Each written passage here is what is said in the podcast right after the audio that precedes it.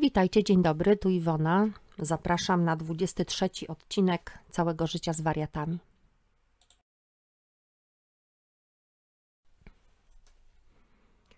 W ostatni weekend wakacji dzieciaki pojechały z moimi rodzicami do cioci Zdzisławy.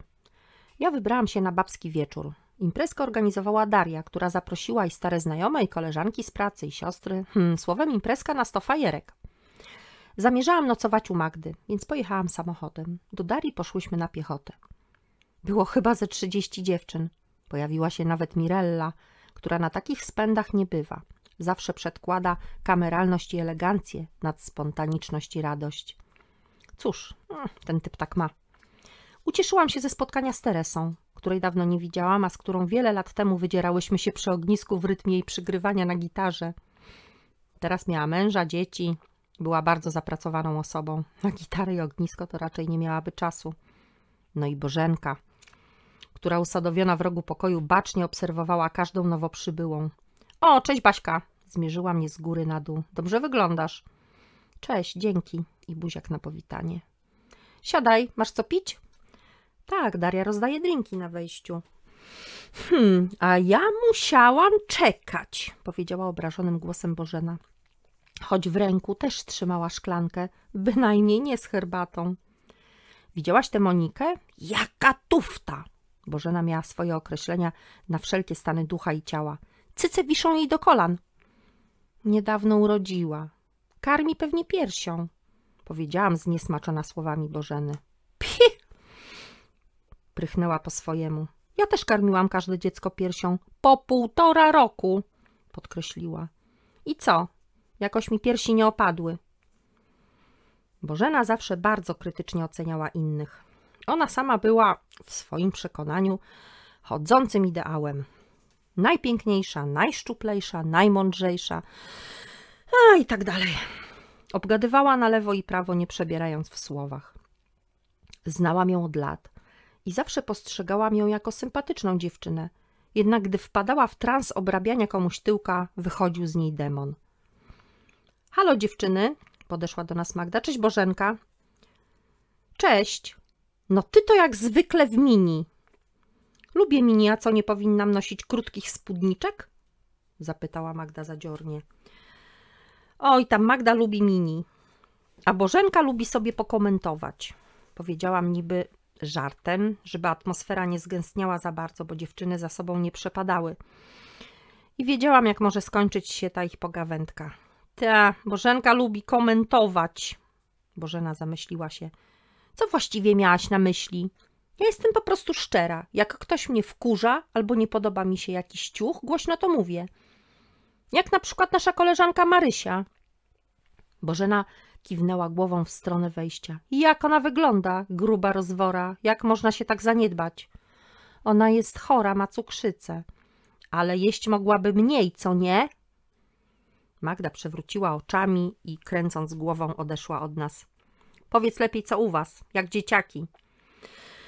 O świetnie, wiesz, byliśmy w Disneylandzie pod Paryżem, dużo ludzi, innego barachła i w ogóle przereklamowane miejsce. Bożena dalej krytykowała. Ale dzieci dobrze się bawiły. Te wszystkie zamki, księżniczki i rycerze to nie dla mnie. Dobrze, że potem pojechaliśmy na kilka dni do Paryża. Paryż jest pewnie piękny, rozmarzyłam się. E, tam piękny. Na zdjęciach lepiej wygląda. Tłumy ludzi gorąco. Jedyna korzyść to porządne zakupy. U Lafayeta spędziłam cały dzień. A co to jest, ta Lafayeta? Sklep, kobieto, sklep! Zagrzmiała Bożena. Jak mogłam nie wiedzieć, co to takiego? Spędziłaś cały dzień w sklepie zamiast zwiedzać Paryż? Nie mieściło mi się to w głowie. Jasne. I nie chwaląc się teraz, moja Helenka ma dwie linie zapachowe. Bożena była najwyraźniej dumna ze swoich zakupów. Z każdego zapachu pełen zestaw. Kosmetyków, rozumiesz? Aha, tylko na tyle było mnie stać. W końcu nie każdy w wieku ośmiu lat ma dwie linie zapachowe. A co tam Paryż? Mamuś, jesteś w domu? Iga zadzwoniła około jedenastej. Jestem u cioci Magdy, będę po południu. Bo my wyjechaliśmy od cioci. Już? Myślałam, że wrócicie wieczorem, odparłam nieco zaskoczona. Wracamy, bo dziadek chciał już jechać. To o której mam być w domu, żeby was odebrać? Spoko, siedź sobie u cioci. Babcia mówi, że skoro jedziemy tak wcześnie, to zatrzymamy się na obiad po drodze, więc na pewno nie będziemy szybko. Iga miała chyba rozpisany grafik podróży. Oki, zjemy obiad i przyjadę. Jakby co, czekajcie grzecznie na mnie. Dobrze, mamusiu. Iga zaczęła się ze mną droczyć. Będziemy czekać na naszą kochaną mamusię. To pa, pa. Na obiad zamówiłyśmy pizzę. Nie miałyśmy z Magdą ochoty na pizzenie. Zresztą Kama i Tadek też chętnie zjedli hamskie żarcie. Dwa kartony pizzy wylądowały na stole. Zajadaliśmy się trójkątami ciasta z serem, gdy przyszedł do mnie SMS. Niemal nie udławiłam się, patrząc na jego zawartość. Z ekranu telefonu patrzyła na mnie słodka mordka burego kotka. Mordka wychylała się za mojej kanapy, znajdującej się w moim pokoju, mojego mieszkania. Ale ja nie mam kota. Muszę jechać, krzyknęłam, przełykając kęs pizzy. Ale dlaczego? Przecież jeszcze nie zjadłaś. Co się stało? Magda nie wiedziała, o co chodzi. Muszę, patrz! Cała w emocjach podałam jej mój telefon. Śliczny, choć nie lubię kotów. Czyj to?